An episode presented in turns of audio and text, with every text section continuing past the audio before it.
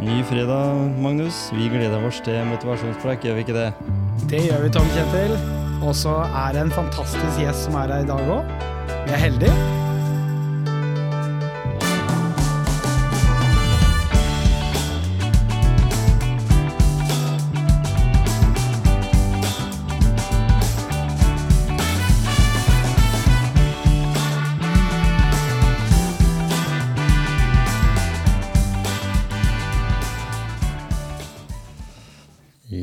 Tilbake i studio her på Gjemsø. Men, eh, eller som han som er her i dag, eh, prøvde å hentyde at det er i Gråten, da. Så er det altså på Gjemsø. Jeg bor akkurat på grensa mellom eh, Gråten og, Gjemsø, og det er jeg litt opptatt av, for jeg er bitte lite grann opptatt av lokalhistorie. Jeg beklager det der, altså. Skal, skal ikke gjenta seg. I dag har vi fått besøk av Eirik Haugen. Kjent stemme fra radio og TV. Det hører vi jo med en gang. At, eh, og du er jo kjent for mer, mer enn det òg. Det skal vi jo prate om nå i, i den neste timen. Men eh, det er jo litt, som litt det derre med Vokste opp i 1969 i Skien. Ja, og det var jo det var veldig spesielt. Altså, jeg, jeg er jo så Skienskar at jeg husker jo godt Landmannstorvet med to bensinstasjoner, f.eks. Det var jo når jeg var med faren min og skifta olje på den ene bilen. Ja.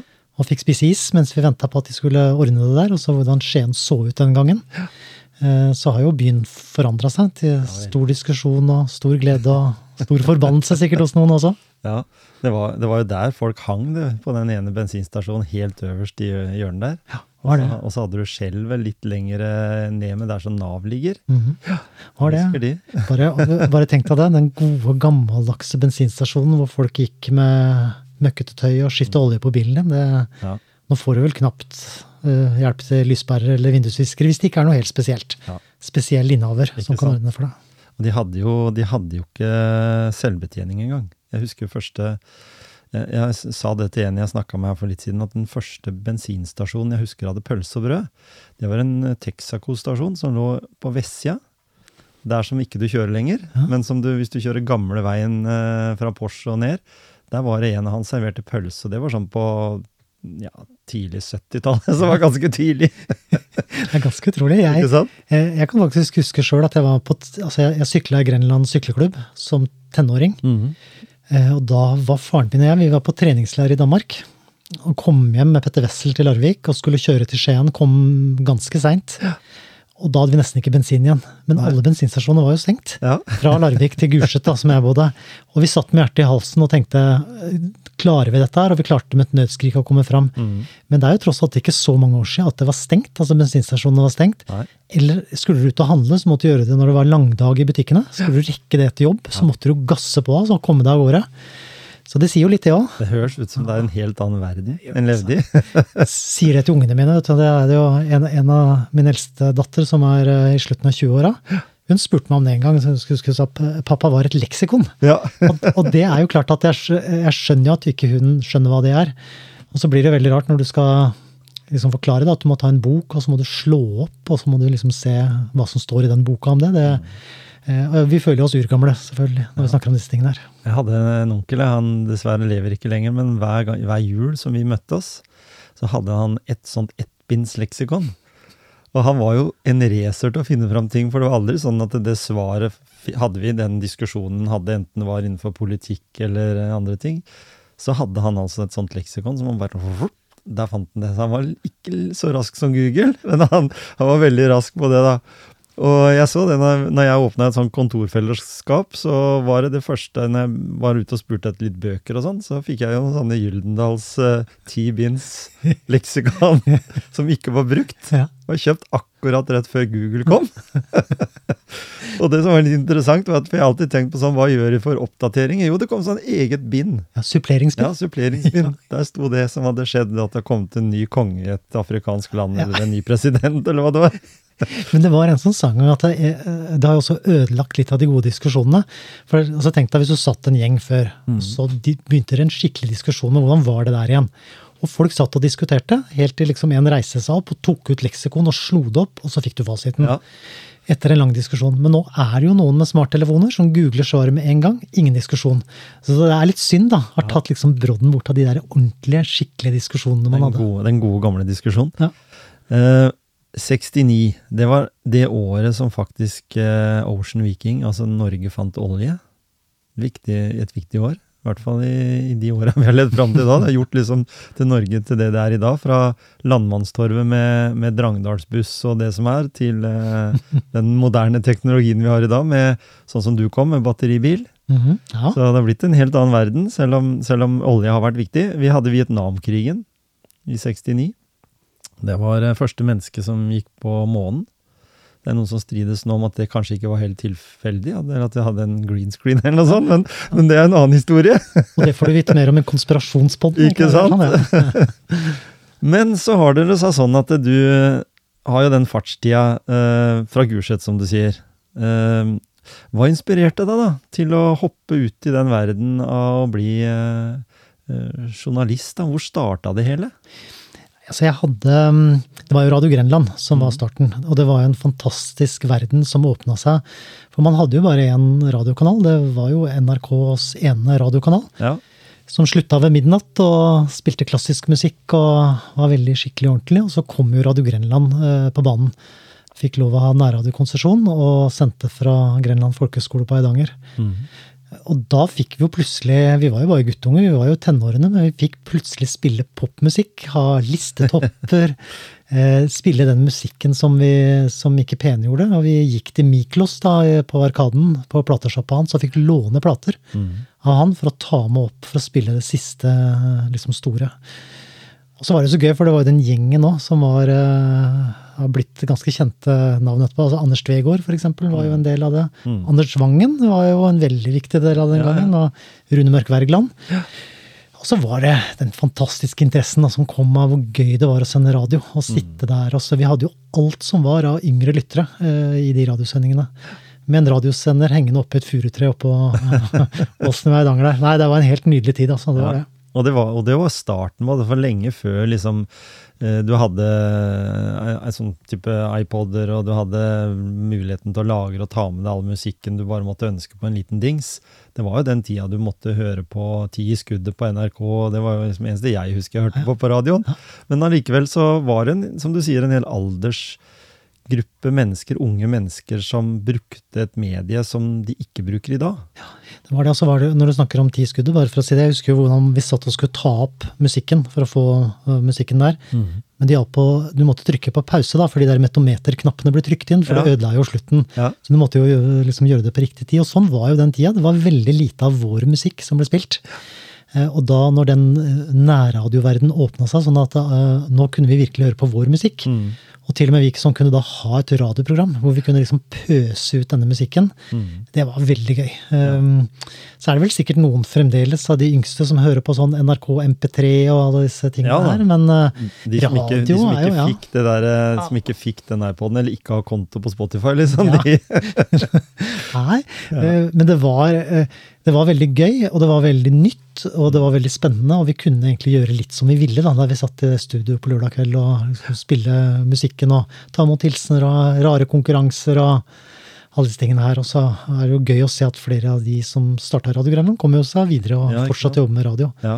Og så- Og så må jeg si, for, for når jeg hører på, på denne podkasten din, da, så er det jo litt sånn med inspirasjonen. Eh, Men den som virkelig inspirerte meg til å gå den veien, og jobba ikke med radio i det hele tatt. Hun var uh, læreren min på ungdomsskolen. Eh, Aud Østveiten, uh, som var nyutdanna lærer. Men som lærte gleden ved norsk og godt språk og samfunnsfag og disse tingene her, og underviste med entusiasme. Så det er den første personen utenom min egen familie som jeg kan huske inspirerte meg ordentlig altså, til å holde på med dette. her. Som dytta deg ordentlig inn i den verden. Ja. Fordi hun var så glad i det sjøl. Ja. Og det smitter jo. Entusiasme fra andre smitter veldig.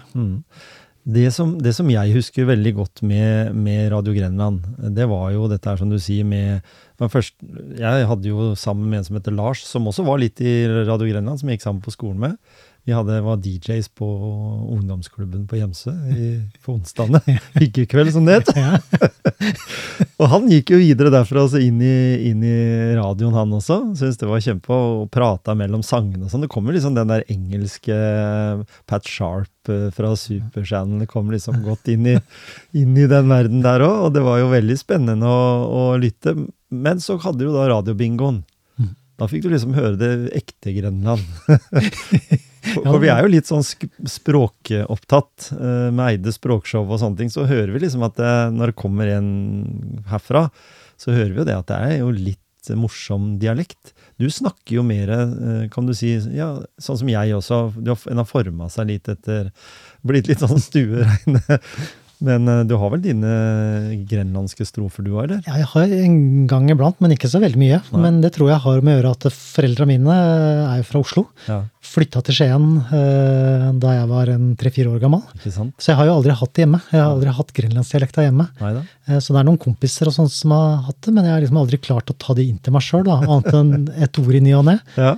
Eh, Men jeg syns jo det er fryktelig morsomt og sjarmerende. Det er jo det morsomste grenlandsordet som jeg vet om, det er faktisk naprapat. Hvis du sier det på grenlandsk, det er neprapot. Ja. Jeg skal til neprapoten. Ja. Ja.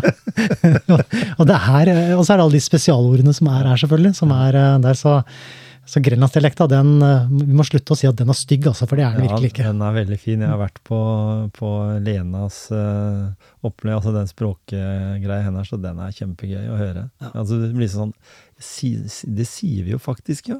Så, hørte, så jeg husker bestandig det. Jeg hadde en onkel som bodde på Gulset, og de, nei, på eh, Klyve, og de ringte mye inn til radiobingoen.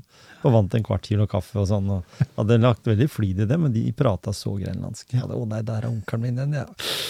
Og det var så, så, sånn veldig breit, og alle de der vi liker å være på ja, Som nesten har Jeg fant ut av det når jeg drev med salg, at eh, skal jeg være en selger som ikke bare skal ende opp eh, her i Grenland, da, men være litt nasjonal, så måtte jeg legge om litt. Men, men allikevel, det er jo veldig gøy å høre det, da. Og jeg syns det er jo kjempegøy med enkeltord, som du sier. Sånne, sånne små perler. Så er det, så er det et å være, være stolt av det man er, og det, der man kommer fra. Det, det er jo det samme som Østfold-dialekta. er jo Ja. Det jo, da gikk det vel så langt at fylkeskommunen liksom hyra folk til å bli kvitt det der Raymond-stempelet, som de kalte det. da, som, ja. Fordi folk var flaue over å snakke sånn. Ja? Og det er jo veldig synd. Men, men nærradio var jo sånn, som du sier, at på Radio Grenland så ringte jo folk inn med, med dialekta si. Ja. Og så kjente vi det, da. Så sånn, ja, nei, hei, det er Hans som ringer. Nei, er det deg, Hans? Ja, du, åssen går det med Vigdis nå? Er hun sjuk ennå? Nei da, nå er hun på beina, vet du. Så der, så du. Det var sånn nært og kjært, og folk du kjente og sånn. Og da fikk det heller være at du blei litt flau over onkelen din av og til, altså. For det Altså, var et eller annet med å kjenne folk. Også så deilig å kjenne at verden også kan være litt liten. Ja. Ikke bare sånn svær som den har blitt. Og det kommer vi da inn på, liksom dette her med å jobbe da, gå til NRK. Eh, sprang liksom fra, fra lokalradio og, og til Du gikk ikke rett til NRK, gjorde det? Eller åssen var den Jo, eh, veien der? Faktisk ganske direkte. Jeg, jeg, jeg fikk så smaken på nærradio, og syntes jo det var så gøy. Ja. Og da ble jo lysten kom jo etter hvert, og kan man prøve seg på noe enda større? Klarer jeg det? Ikke sant? Eh, så jeg husker jeg hadde en hel uke hvor jeg hver eneste dag dro opp til NRK på Borgåsen og snakka med distriktssjef Per Solli, blant annet. Og fikk beskjed på dag én at eh, du er ti år for ung for eh, Telemarkssendinga. Du Ja. trenger ikke å komme her. Det, vi trenger ikke sånne unge folk som deg nå. Eh, og jeg dro opp hver eneste dag i flere dager på rad og sa at men kan jeg ikke få en sjanse? Kan, kan dere ikke teste meg? Og til slutt så fikk jeg med meg en båndspiller med beskjed om å lage noe. Og hvis eh, det var dårlig, så trengte jeg ikke å komme tilbake.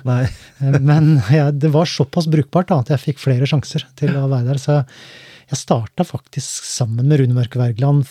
Jeg var vel 17-18 år da jeg fikk liksom første NRK-sjansen til å komme og lage program der oppe. Ja. Mm. Sammen med masse inspirerende folk. ja? Altså, Tenk deg hva Telemarkssendinga har hatt av personligheter. altså Anne Ja. Longvik, eh, som var der. altså som eh, Der og det var Bo Lilleland Andersen, som en kjent stemme. Josse Apol. Mm. Stig Bolme. altså Alle de som kunne radio. De kunne lage radio. Og hvor stas det da var å komme dit. Ja, ikke sant? Og så har det jo vært sånn at eh, når du da sier du har vokst opp på Gulset, så er det mange fra Gulset som på en måte har eh, bygd seg opp en karriere i NRK. Bård Tufte Johansen, for eksempel. Ja, Og sånt noe, og mange av de yngre talentene som, som har kommet fra Gulset nå, med, med standup-komikere som, som går til TV, og, og, og podkaster. ja. Kanskje det er noe med Åletjernvannet? Ja, det må ikke. være Det må være det. Ja, At du har noe å hente der oppe? At det er et eller annet der. Ja, så er det jo selvfølgelig, det er vel Skiens største bydel, eh, Ja. sånn sett, så det er klart det gror sikkert litt talenter i rekkene på Gulset, som for øvrig er et helt fantastisk sted å bo. Ja. Mm. Det som er eh, interessant å høre, da, det er jo at eh, jeg husker jo du var med i eh, boka mi i 2015. Da hadde du jo, holdt jeg på å si, eh, om ikke akkurat gjort det, men du hadde jo vært med på en utfordring med en kollega da, eller en sånn kollega i bransjen i hvert fall, Ove Meldingen. Eh, Gått til Oslo. Det blei det mye greier av. Eller sånn, det blei ble noe av det, på en måte, for alle. Det ble det. Hadde gnagesår for dere.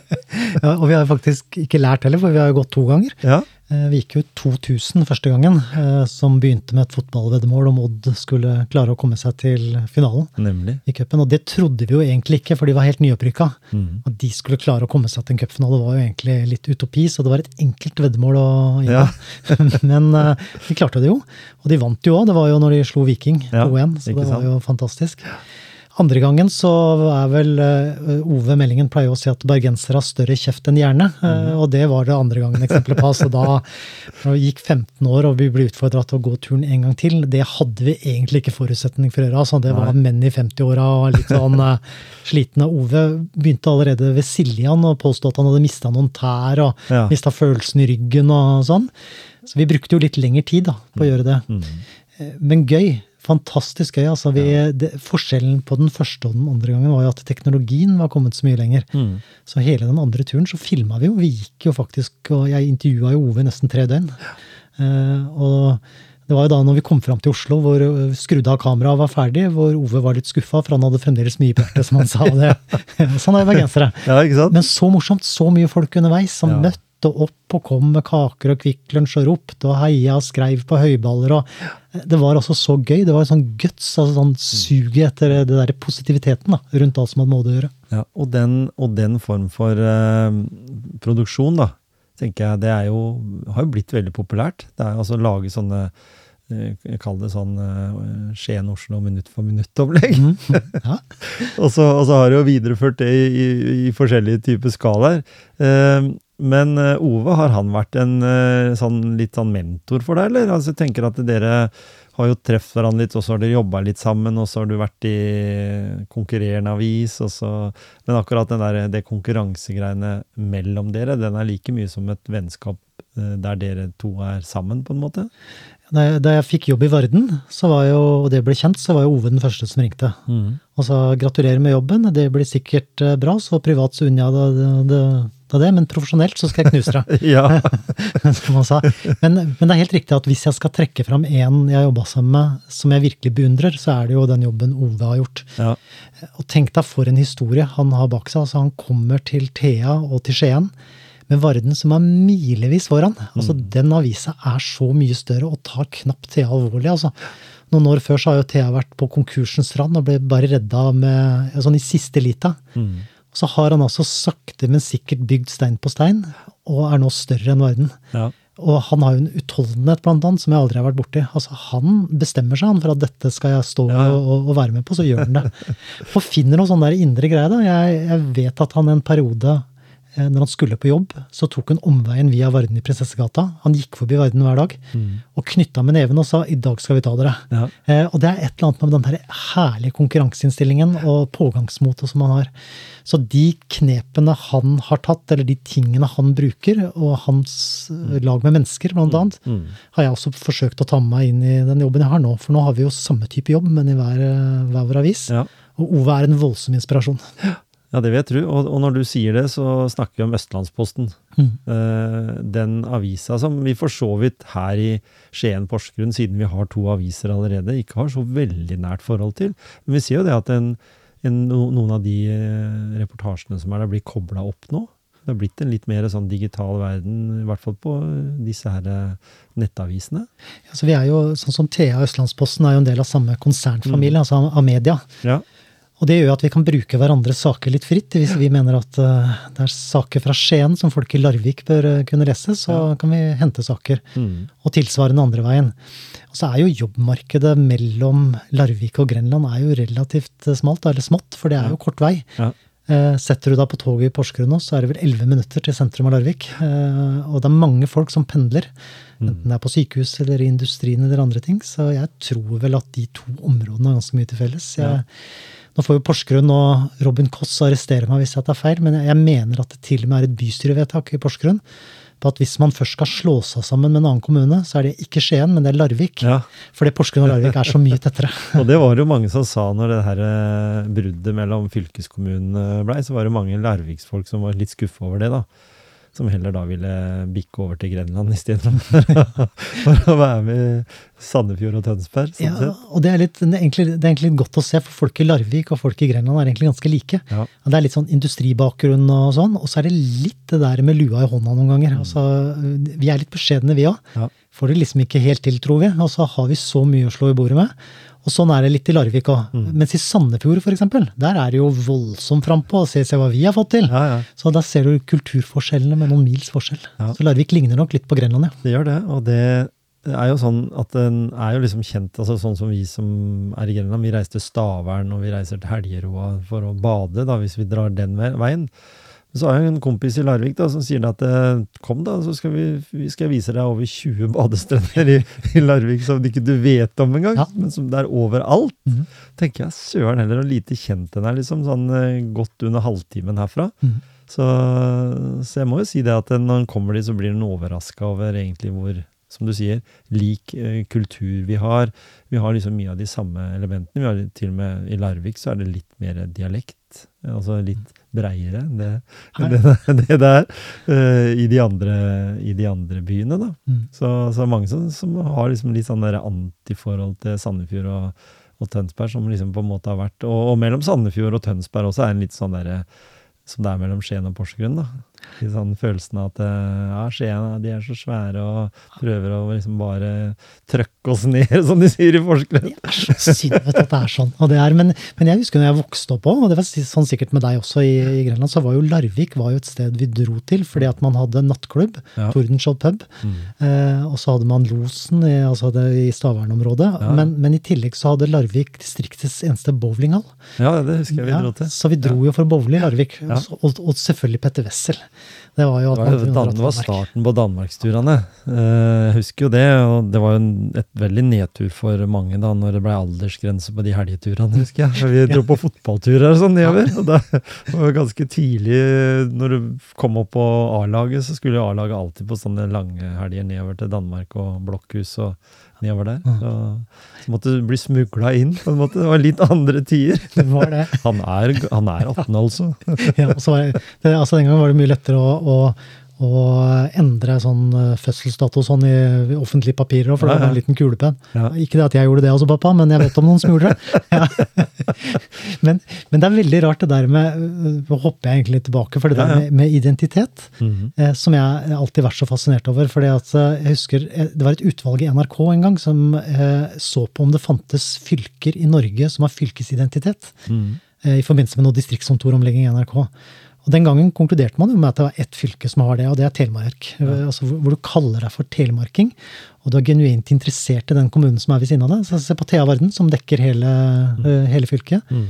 Og hvor motsetningen den gangen var Vestfold og Østfold. Eh, Ja. For der er du fra Sarpsborg eller Fredrikstad eller Halden. Du er ikke fra Østfold. Og folk i Halden har et mye tettere forhold til Strømstad enn de har til Moss, f.eks. Altså der. Så den store forskjellen mellom Vestfold og Telemark er jo også der. Du er fra det stedet du er. Ja. Mm. Så en kan nesten si det at en burde sjekka litt sånne ting når en slår sammen. Ja. Før en finner ut at etterpå at nei, vi er jo ikke kompiser. Det er altfor langt fra Horten til Haukeli, liksom. Og enorme kulturforskjeller også. Jeg husker hvordan det var å jobbe i NRK når det var disse TV-sendingene for Telemark, Vestfold og Buskerud som gikk på lufta. Ja.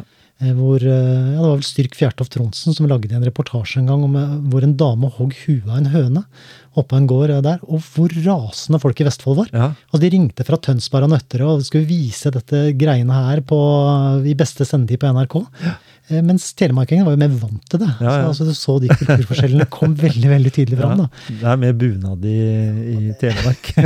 Det er de, altså. og kniv og spikking og sånn. altså, er jo, altså Selv om Vestfold har flere, så er jo Telemark et enormt fylke i utstrekning. Eh, Det er jo ganske mange timer som skal til å komme seg gjennom her. så... Jeg skjønner akkurat den der tanken fra Vestfold òg, ja, på, på noen områder. Og vi er, jo, vi er jo best som Telemark, tenker jeg da. Men eh, selv om jeg har vært en sånn forkjemper for at den må på en måte være en større region for å bli lettere hørt, da. For det, ja, i dag så er det jo en kamp om penger. Mm. Det er en kamp om synlighet eh, hos eh, politikere som ofte sitter eh, i Oslo. Og, og, bryr seg litt om distriktene, men de er ikke veldig godt kjent med det, bortsett fra kanskje noen få Mm. som kommer herfra. Altså, det tror jeg vi har mye å gå på innad i Telemark. Vi snakka jo om, om Skien og Porsgrunn. Mm. Det er vel overmodent for å ha én kommune i Grenland. vel? Jeg vet jo det er et vepsebol for mange. Ja. Men se på avstander, og se hva vi kunne Ja. spart, og se hvor store vi hadde blitt. og kan vi ikke prøve? Kunne vi ikke prøvd å ha den diskusjonen skikkelig og, og med åpent sinn, og Ja. se hva vi kunne fått til sammen? ja, for hvis du ser bort fra Porsch stadion, så er det jo ikke grøntarealet på størrelse med fotballbane mellom byene lenger. Nei, det er, Det er jo, nei, alt er liksom helt, ja. bygd sammen, Ja. så hvor er det du bor hen? Nå jobber jo jeg i, i nattpatruljen i Porsgrunn kommune, og vi har noen sånne grensebrukere da, som vi besøker. Faen, nå trodde jeg var i, i Skien, ja, for nå er jeg jo på Klyve, liksom. Nei, det er akkurat der går grensa! hos Ja. Naboen! Liksom. Ja. Og på Borgåsen nå er det veldig sånn, hvor går grensa? Dattera mi jobba i hjemmetjenesten der i, i noen, for noen år siden, og da Nei, det, akkurat det huset der, da, det ligger i Skien, da, men her men Det er jo nærmere Skien her, ja, men grensa går liksom sånn. Så da, Det helt merkelig, og altså. jeg jobba sammen med ei som hadde flytta til Flakvarp. Og hun sa det at det, hun ville jo egentlig ikke flytte til Skien, men plutselig så bodde hun i Skien. så det er noe med det der, hvis du skal være veldig sånn lokalpatriot, så ser du får du første brevet fra i forhold til godkjennelsen av, eller kjøpekontrakten, så står det 37-32. Faen. Bor jeg i Skien nå? Det er ille, vet du. Ja, det er jo krise. Ja, så har du det der fascinerende med Grenland og det, alle bydelene. altså du var inne, Jeg tråkka uti det i stad og kalte det Gråten og sånn. så det er jo, Og disse bydelene betyr mye òg. Jeg er jo fra Gulset. Ja. Eh, og jeg husker jo gamle kollega Stig Bolm i NRK sa jo det at eh, når han snakka om kommunesammenslåing, sa han, jeg er ikke fra Grenland, jeg er ikke fra Porsgrunn engang, jeg er fra Grønli. Ja. Ja, og det er sånn bydelen står så sterkt her òg. Og det er jo ekstra fascinerende. da. Mm. Men hvilken kraft dette området har sammen, altså. Hvis, Ja. vi, klar, hvis vi klarer det, Det har vært gøy å vært med stå på. sammen. Ja, vært med på det. og Ja. ikke tid, Begynner ikke tida å nærme seg det nå? At vi kan få en ordentlig, skikkelig debatt om det, og så stå sammen som et Store-Grenland isteden? Mm. Mm. Det blir nok sikkert noen eh, skifter etter hvert. Nå er vi jo i en litt spesiell tid. Kanskje det er tiden for uh, sammenslåing. Å jobbe sammen og samarbeide for å få i, i, litt mer makt. Kanskje få ned strømprisen. Kanskje det er det viktigste? Kanskje det å få ned strømprisen er viktigere enn noe annet?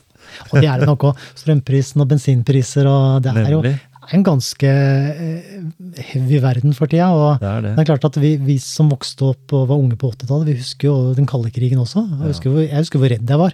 Ja. Hvor forferdelig skummelt jeg syntes det var. Og det er jo litt sånn Mm. følelse. Og så er det jo bare eldre menn som har satt i gang de greiene rundt oss nå. Ja. Det er, Se på det, altså. Det det, det er liksom Og da snakker vi ikke om oss, Nei, det- vi over 50. Absolutt ikke. Det er alle de andre. Ja. Ja, nei, så man De som er enda eldre. Ja, og tenk på det. Da er de gamle. Ja. Ja, nei, tenk, tenk på det noen ganger. At det er, er en sånn øvelse, det også. Skulle holde positiviteten oppe og forklare det for ungene sine på en fin måte. Og sånn, og da kan vi i hvert fall kanskje diskutere sammenslåing i Grenland. Da. Det er ikke det skumleste tingen å gjøre. Nei. Nei. Men så har vi jo det der med ordet sammenslåing, da. Mm. Det er kanskje litt tidlig, siden det har akkurat vært et brudd. At vi, at vi tenker sånn at vi Men det, den tiden kommer. Lage bru som er enda mer sentral, og sånn når, det er lov, når ikke det er lov, men når det er, når det er råd til å bygge igjen. Ja. For det er jo litt sånn der nå. Alt står litt på vent. Så er det jo det at det, Du kan jo si mye om om du var for eller mot Vestfold-Telemark-sammenslåinga, Mm. men så var det jo en litt klønete håndtert prosess. Ja. som gjorde at folk var vel ikke så positivt innstilt fra begynnelsen til hele greia her. Men den prosessen i Grenland den har jo modna seg ganske lenge nå. Ja. Og jeg ser jo, det er kanskje litt sånn at jeg ikke følger så godt med her som jeg gjorde da jeg var i verden, men det virker jo som man er mer på glid i Skien enn man er i Porsgrunn. Ja. Og så kan man kanskje tenke at det er eh, at Porsgrunn er minst og redd for å bli slukt og Skien og de tingene her, men, men jeg syns det er mer på glid fra Skiens Ja, side. ja. Hedda Foss Vive sa vel at de legger noe rådhus i Porsgrunn, da, hvis det betyr mye. Ja. Eh, Men eh, vi får se om det blir noe bevegelse etter hvert. Og så er det den der forståelsen av Vi slår ikke sammen byene, men vi slår sammen kommunen. Ja. Så det er jo litt det. Og at noen en, en eller annen gang kommer fram som en politiker eller en person som kan forklare det på en forståelig måte. Mhm. Ja. Før vi liksom setter piggene ut og sier at nei, nei, jeg vil ikke være med på det her. Er det også, men ære være den politikeren som gjør det, for det, det er jo den mest utakknemlige jobben man kan ha, er å være lokalpolitiker. Mhm.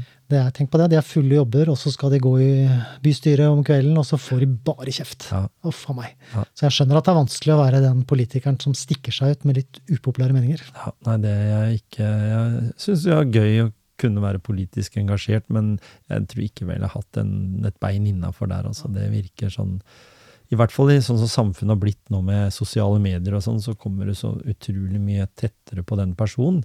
Så du er liksom skillet mellom privatperson og politikeren er jo ikke til stede. Nei. Eksempelvis Trond Giske eller andre politikere som får eh, svi for at de har vært litt for uh, dumme, da. og terskelen for å ta kontakt med en politiker er jo noe helt annet òg. Ja, ja.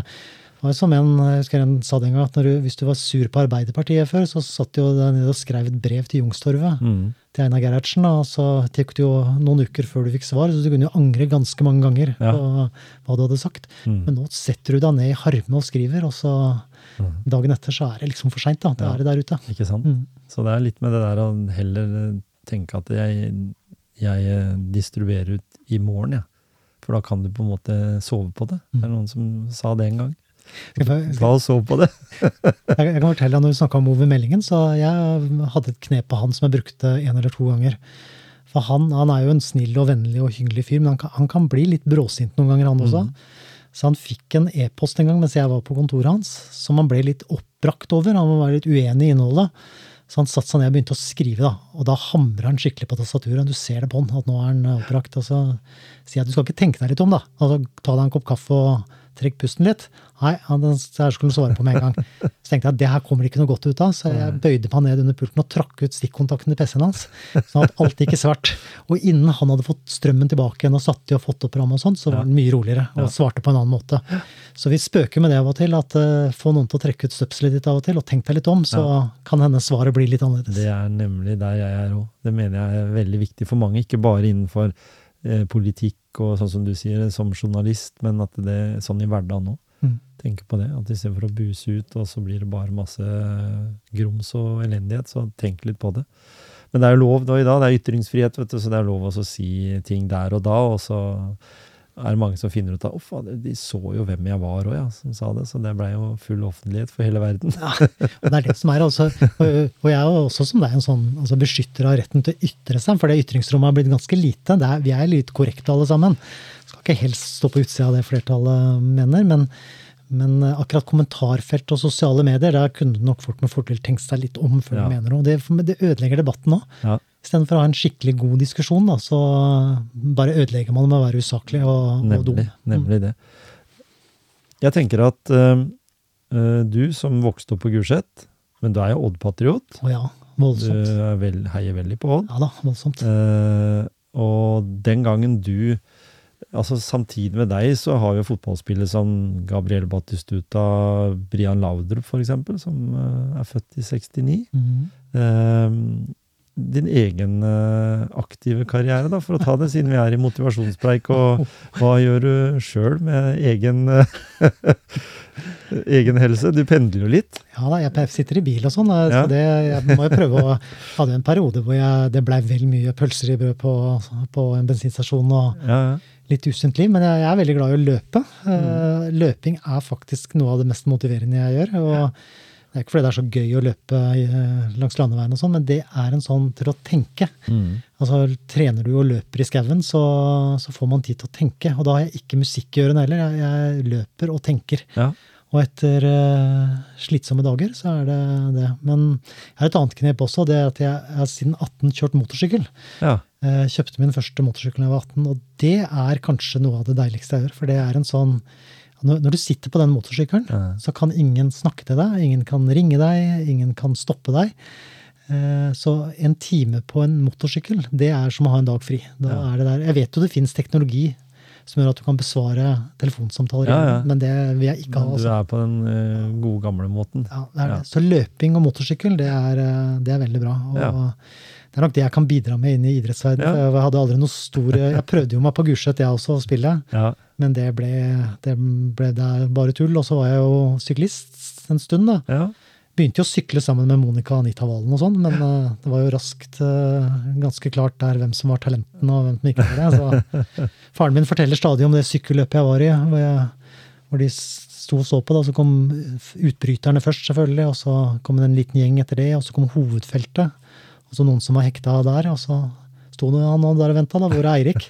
Så han sa, og helt bakerst da kom det to syklister som uh, sykla rolig og prata sammen, Ja, ja. og det tok livet helt med ro. Ja. Så det var liksom min sykkelkarriere. Jeg klarte aldri å Jeg har ikke det i meg, tror jeg, det der vinnerinstinktet som man trenger. Nei.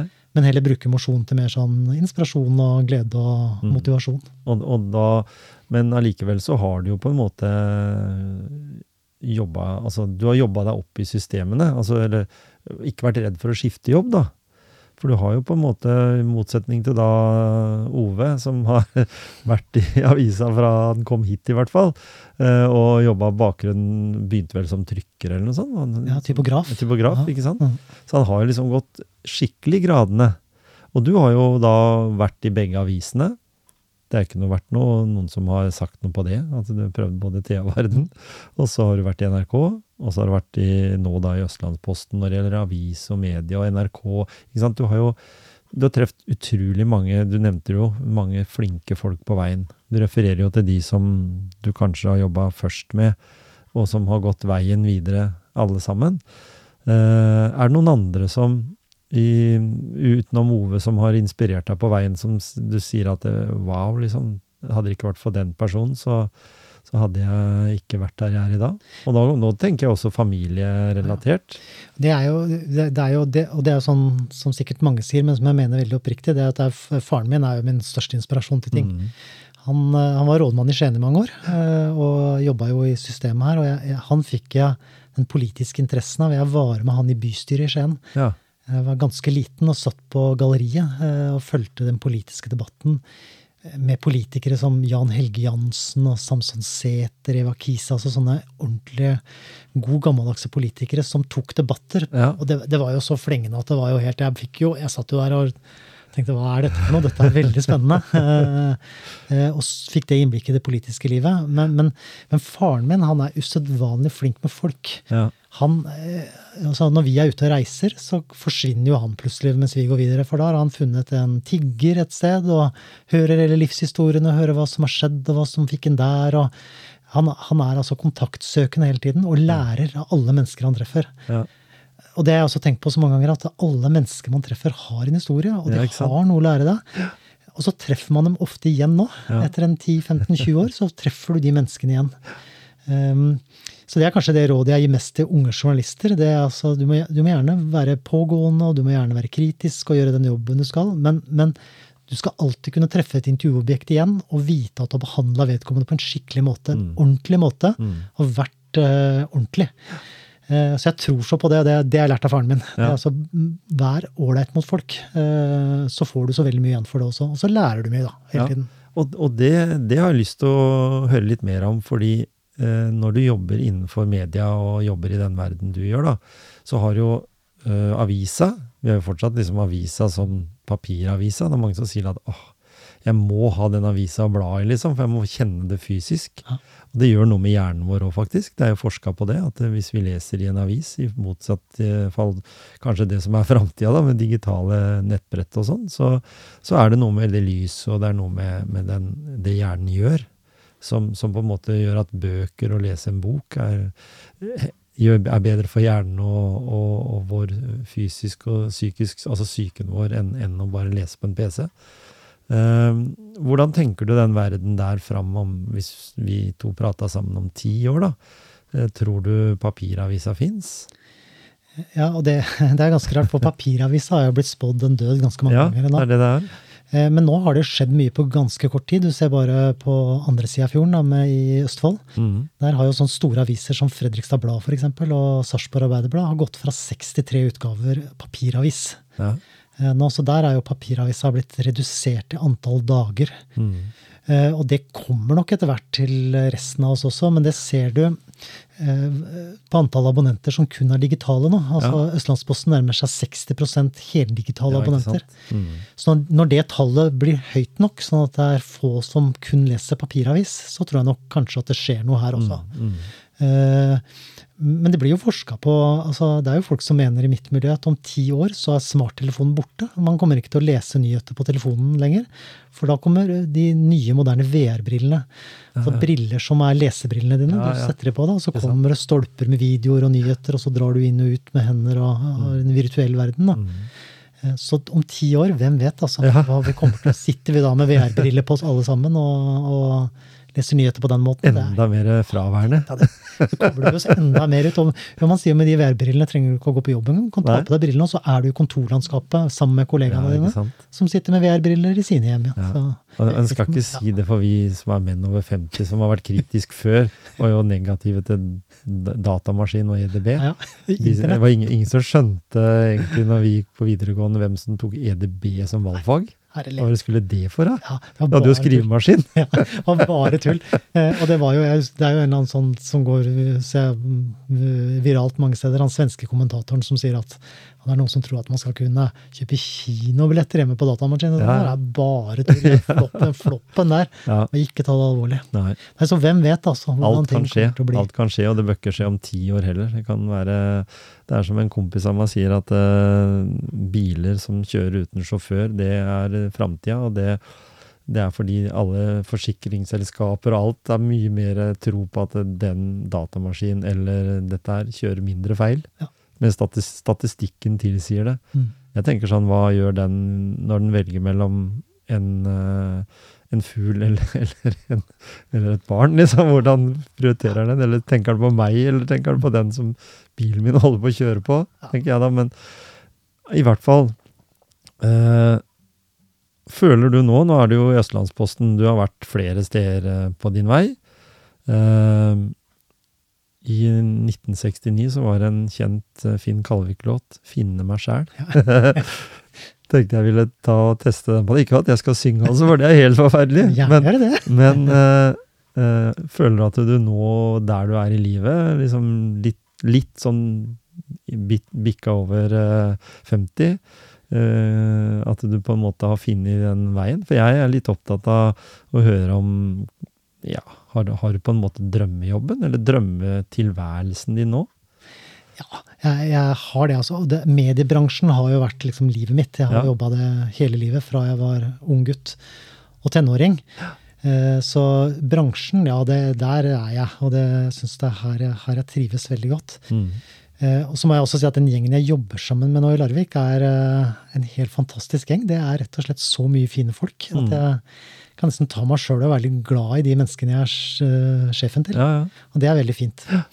Men så har jeg jo lært meg at eh, noen ganger så skal man gripe de sjansene som kommer, og, så, og tenke at ja, nei, dette er spennende, dette har jeg lyst til å prøve. Mm. Eh, Og alle de veiene jeg har gått, har jo ikke vært planlagt bestandig, men det har kommet muligheter som jeg ikke har sett da, skulle komme. Hadde du sagt meg for ti år siden at jeg skulle jobbe i Larvik, det hadde jeg sikkert sagt nei, det høres usannsynlig ut. ja. Ehm, og så har jeg, Det er jo ikke sånn at jeg kommer til å ha en sju-åtte jobber igjen i livet nå. Nå er det vel kanskje på siste eller nest siste stedet jeg skal være. Eh, så jeg har ikke, ingen andre planer akkurat nå enn å være der jeg er. Men Nei, så vet man jo aldri hva som dukker opp. Nei. Og jeg har troa på det. Jeg sier det til ungene mine også, at grip nå de sjansene du får. Ja.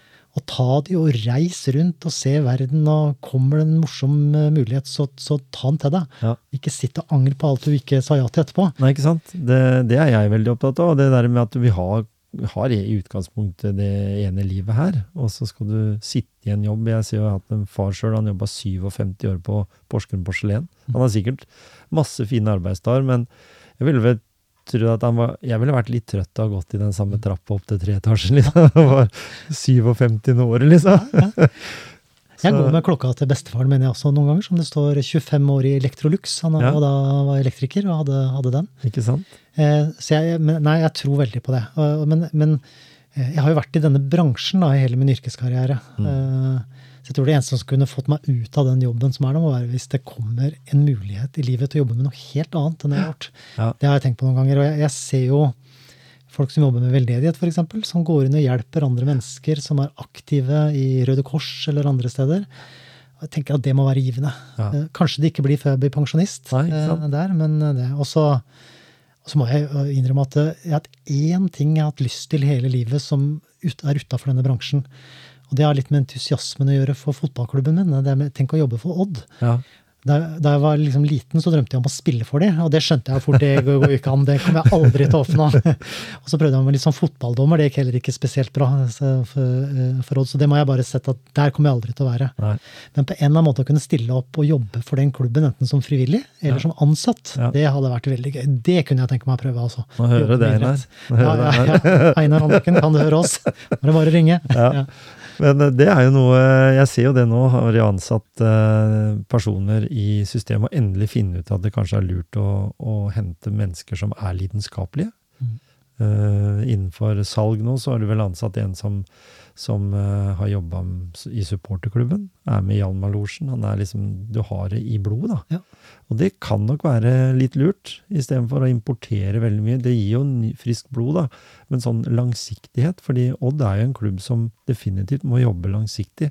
Det er den økonomien de har. Da de må bygge spillere, de må bygge eh, nett, altså de må bygge klubb, da. Mm. Se bare på hva Bodø-Glimt har fått til. Altså, Bodø-Glimt var jo langt under Odd i både status og økonomi bare for eh, tre-fire år siden. ja, så tror jeg kanskje vi må innse at det er egentlig bare nesten vi fra Telemark som er glad i Odd. Ja, For, altså, for andre deler av landet så er Odd kanskje den kjedeligste klubben sammen med Haugesund. ja, Eh, Det er liksom, det er, hva er det greiene der for noe, liksom? Det er, det men det er vi som har entusiasmen for den klubben. ja nemlig. Eh, og så er det selvfølgelig produktet på banen som teller mest, da, men, men jeg er ofte forundra meg over at ikke denne byen her koker på kampdag. Ja, Altså, Det henger flagg i flaggstengene i Helsebagata, men kan man ikke liksom farge byen med show på Handelstorget og salg av billetter ute, spillere som møter opp og møter folk eh, hvor det måtte være? Liksom skape den der entusiasmen og gleden for det, den fantastiske klubben. Tenk å ha en eliteserieklubb i byen sin. ja. Det er jo helt er utrolig egentlig at Skien har det. Og det er som du sier, jeg blir jo alltid like skuffa hvis jeg sitter og ser på nyhetene på, på, på din tidligere arbeidsgiver, da, Ja. NRK. Og så kommer det litt sport, da, og så viser de liksom Rosenborg spilt mot Viking, og så viser de Lillestrøm møter Rosenborg. Men Odd har jo spilt, de òg. De viser jo ikke ett sekund engang. Det må du se i Kveldsnytt Ja, ja, det er veldig når du har gått og lagt deg. ja. Og så er det jo så deilig, de der, og det er sånn barnslig glede. Jeg så nå når Odd spilte mot Sandefjord, mm. eh, og vant, og snudde kampen og vant og sånn, da. Så er jo ikke det første jeg leser, er jo ikke Telemarksavisene, men da går jeg til Sandefjords Blad. Ja, Og det fryder meg så liksom, sant, å lese om det laget som tapte mot Odd. ja, og den, så skjønner jeg at man kan jo ikke drive en klubb bare på entusiasme og at man er fan. Man må jo ha noe mer enn det. Men Ja. det hjelper mye, altså. ja, det gjør det. Når man skal snakke om en merkevare, så er det selvfølgelig å ha det i seg. At dette er klubben min. Jeg Ja. har gått på denne stadion siden jeg var liten gutt. Mhm.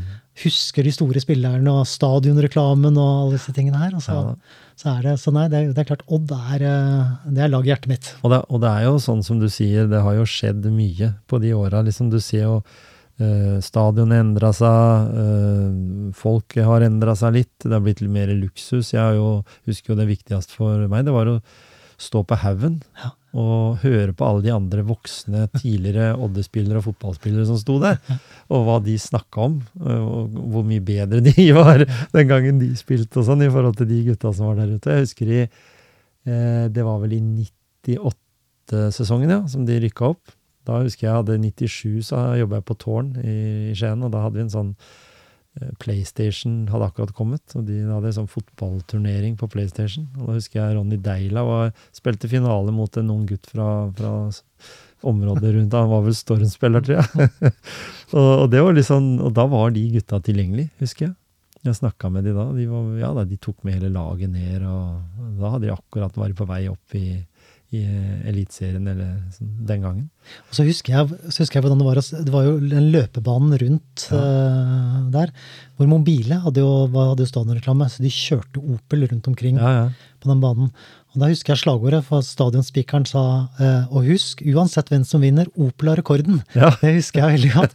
Og den andre på vei ut, det var etter, tu, etter kampen tar du turen innom Rudolf kiosk og grill. Det Ja. husker jeg også veldig godt. 8000 mennesker på vei for å kjøpe pølse etterpå. ja. Og det var jo, den atmosfæren der glemmer man jo ikke. Og, og som du sier, når du rykka opp med det laget Det er altså det laget altså med den rekka der med personligheter. Ja. Erik Holtan som røyka som ei skorstein og var Norges beste målvakt. Og, Ja. og Frode Johnsen i spiss der, og Deila Borgersen. og det, det var så spesielt, det laget. Ja, det var det. Og de personlighetene også. Mm. De spillerne som liksom stikker seg litt fram og sånn. De, jeg skulle ønske det kom noen sånne inn på Odd-dagen som virkelig liksom tok litt tak. Vi har jo, vi har jo Abel, han 18-åringen, som sier at uh, Se at det er noe nytt som, som skjer nå. Fordi du må, ha, du må spille med hjertet òg.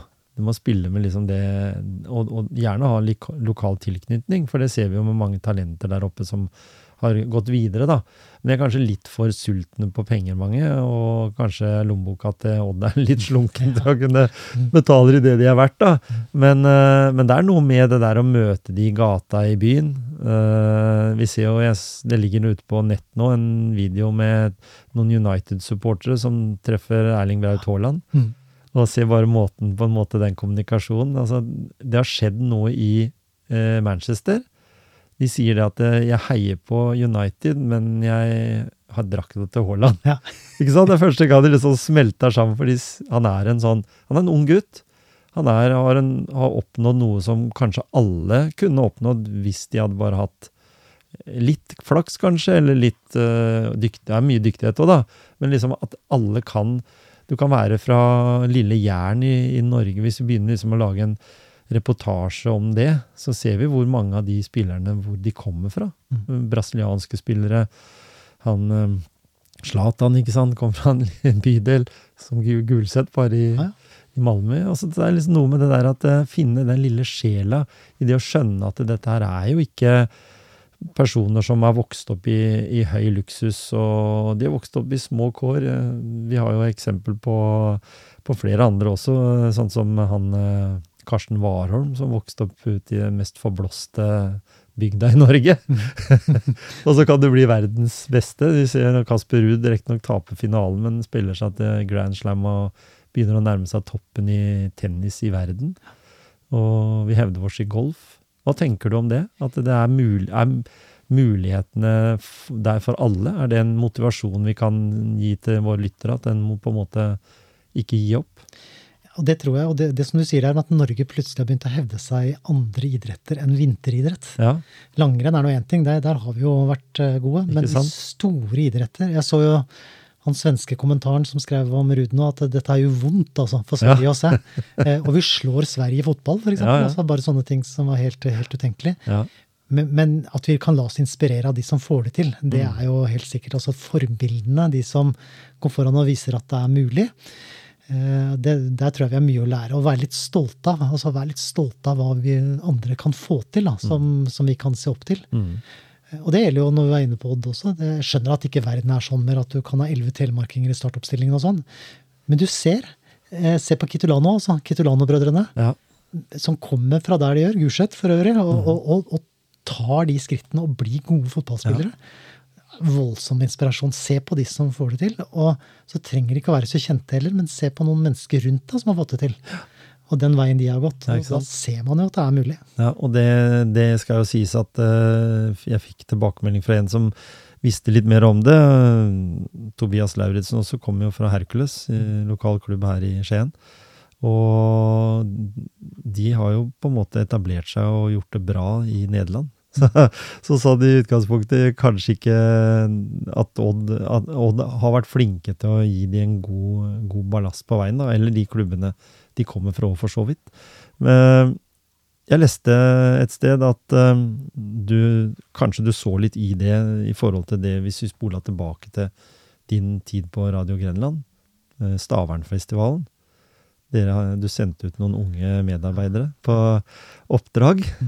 Og, og, og det er sånn jeg husker betydde så utrolig mye. Ja, det er det jeg mener. Liksom Ja. tilbake til det du sa her tidligere. Er det altså, for det er, det er, det er som vi var inne på i stad, det også får sjansen, da. Mm. Og det var også samme, altså Stavernfestivalen er jo noe av den største happeningen i Larvik-området om sommeren, Ja. eh, med mange som kommer. Eh, Og så er jo, Det er greit det kommer a-ha og sånn, så det er jo litt for oss òg. Ja, ja. Men for det meste er det jo for de aller yngste. Eh, Og da ville det vært veldig rart å sette mann 53 foran Ja. et kamera når vi skulle sende direkte derfra. Så vi, vi hadde én fast ansatt på noen og 20 år, og resten var sommervikarer eller vikarer hos oss. Mm. Og så sa vi dra dit og lag sending. Så de sendte tre dager på rappen, flere timers direktesending, sånn som bare de unge kan. ja. Eh, Snakka til sin egen aldersgruppe og heiv seg ut i det med glød og lyst. Og hadde ikke, var ikke engstelige. Ja, Mm. Nei. dette gjør vi. Så bra. Og bare landa det jo fullstendig. Det var så bra. Altså, der sto de som de aldri hadde gjort noe annet. Eh, og det håper jeg de tar med seg, for de kommer til å gå videre til store bedrifter og jobbe i VG og NRK og alle disse stedene her. Men at de husker på det, da. Ja. At når jeg var ung og 19 år og hadde sommerjobb i Larvik, så Ja. Det var første gangen jeg var på TV. Og, og tror du fortsatt den modellen som du var igjennom, da? Dette her med å begynne på radio. Jeg, jeg husker jo, jeg snakka jo med Geir eh, som Friberg, som er leder i Radio Grenland nå. Vi hadde jo med han i en tidligere episode òg. Og han snakka om at eh, han Thomas som går der, han begynte jo å koke kaffe der. Ja. Og bare møtte opp og kom. Ja. Og så fikk han noen som sa ja, kan du ta den sendinga der, fordi det kanskje var en som var sjuk eller ikke hadde rekt bussen eller noe. Og så vips, så var du der, liksom. Du, litt som du fikk den evnen, muligheten til å ut der og prøve. Ja, men prøv, da. Og så se, og du kom tilbake, og du, du leverte. Det er jo litt som toppidrettsutøveren eller som, som eh, fotballspilleren i Odd, som scorer mål eller som greier å prestere. Det du forklarte med NRK tidligere, som du sa at du fikk lov å ut og Ja, prøv, da. Mm. Og se hva du får til. Litt den derre utfordringa du du blir Kanskje det er et element som burde vært litt oftere, at det ikke det nødvendigvis er antall år på skolen. Din venn Ove også har jo sagt at han har jo hatt mange fra media- og kommunikasjonslinjer som har starta liksom i avisa som nesten lærlinger, nesten, og så bygd seg opp. og det tror jeg faktisk at eh, journalistikk er den bransjen som du fremdeles kan komme deg inn i uten å ha veldig mye bakgrunn. Så du ser i redaksjonen hos meg, så er det folk som er utdanna helsesykepleier, lærer. Eh, Men den entusiasmen altså Harald Stanghelle sa en gang at 'gi meg de brennende hjerter', det er journalistikken. Du må være interessert i folk og være glad i den gode historien. Ja. Så vi har jo folk som kommer innom og sier 'jeg har lyst til å skrive', 'jeg har lyst til å prøve'. Og vi sier det samme svaret som jeg fikk da, 'ja, gå ut og prøv'. Mm. Og noen av de er jo helt fantastiske. Ja, det er kjempetalenter. eh, Og de begynner hos oss, jobber noen år, og så går de videre til eh, Mm. kanskje noen utdannelse eller, eller større redaksjoner. Så det går an. Og så er det den lille tingen. og det, Når du snakker om inspirasjon på ting altså Etter at jeg klarte å liksom komme meg inn i NRK, da, via litt her og litt der, så var det en episode som var helt sånn avgjørende for meg. Da, da var jeg på jobb, skulle hadde fått kveldsvakt, og så hadde resten av de faste ansatte de hadde møte. Så jeg var aleine i redaksjonen i Telemarkssendinga. Og da kom NTB med en hastemelding om at Hanne Heg ga seg på landslaget. Ja. Var jo store, store håndballspiller. Og jeg satt der litt aleine og så tenkte jeg, hva skal jeg gjøre med dette her, liksom? Jeg, er jo, jeg skal jo passe, passe butikken her. Så jeg gikk inn i et studio, og så ringte jeg det hotellet som jeg skjønte at Hanne Heg var på. Ble kobla på, opp på rommet hennes og fikk snakke med henne. Ja. Og fikk intervjue henne som den første som fikk intervjue henne etter at nyheten sprakk. Og så ble dette sendt på lufta, og jeg var jo stolt av dette her. Men da jeg kom tilbake dagen etter, så hadde redaksjonssjef Erik Berg-Hansen hadde skrevet en lapp som lå på pulten min, og på den lappen så sto det Hei, Eirik. Du fikk mye skryt på morgenmøtet i dag for intervjuet ditt med Hanne Heg. Flink gutt. Hilsen Erik. Og den lappen den fulgte meg. altså eh, Jeg hadde den over pulten min. Jeg klistra den på sånn ja. Post-It-tavle eh, der i mange, mange år. For det var så fantastisk det øyeblikket hvor han skrev det. Jeg fikk skryt og tilbakemeldinger på det. Når du snakker om den lille, lille tingen som kan inspirere, Som betyr noe der. ja, det betyr så voldsomt. Ja. Og der eh, er det viktig for oss med litt eh, år på baken, hvis vi skal si det på den måten, å, komme med sånne innspill til de unge òg. Mm. At tenke at de vokser opp i en verden som er veldig annerledes fra 70-tallet, eh, egentlig. Eh, det er eh, på mange måter kanskje bedre på, på en del ting, men det var litt mer eh, hva skal si, litt mer ufarlig, kanskje, selv om vi tenkte på den kalde krigen som vi snakka om her tidligere, og, og, og Sovjetunionen og hele den biten der, så hadde vi det veldig Det var veldig lunt og godt i nabolaget. Vi behøvde ikke å være Jeg vokste opp på denne sida Porsgrunnsveien. Og vi var sjeldent over på den andre sida. Det var de gangene vi sykla opp på fotballtrening på Hercules, liksom. Ellers så var vi aldri over der. Så de som gikk på den andre, var bare tilfeldig at vi hadde skolen på andre sida, men det var eneste vi var over den Porsgrunnsveien. For alt skjedde her nede. Vi hadde butikkene våre her. Vi hadde nærmiljøet vårt, alle vennene våre. Det var liksom her det skjedde. Mm. Og det var her vi ble passa på. Ikke minst. Av naboer, naboer og andre. Så det gikk an å ikke ha SFO.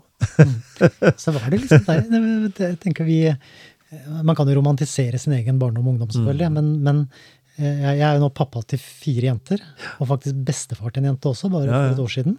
Så jeg har mye jenter da, eh, rundt meg, og jeg, og jeg tenker noen ganger at eh, for et vanvittig press dere har på dere i forhold til det jeg hadde sjøl. Mm. De er så utrolig flinke. Altså, de, de gjør det bra på skolen, de skal ha fritidsaktiviteter. de...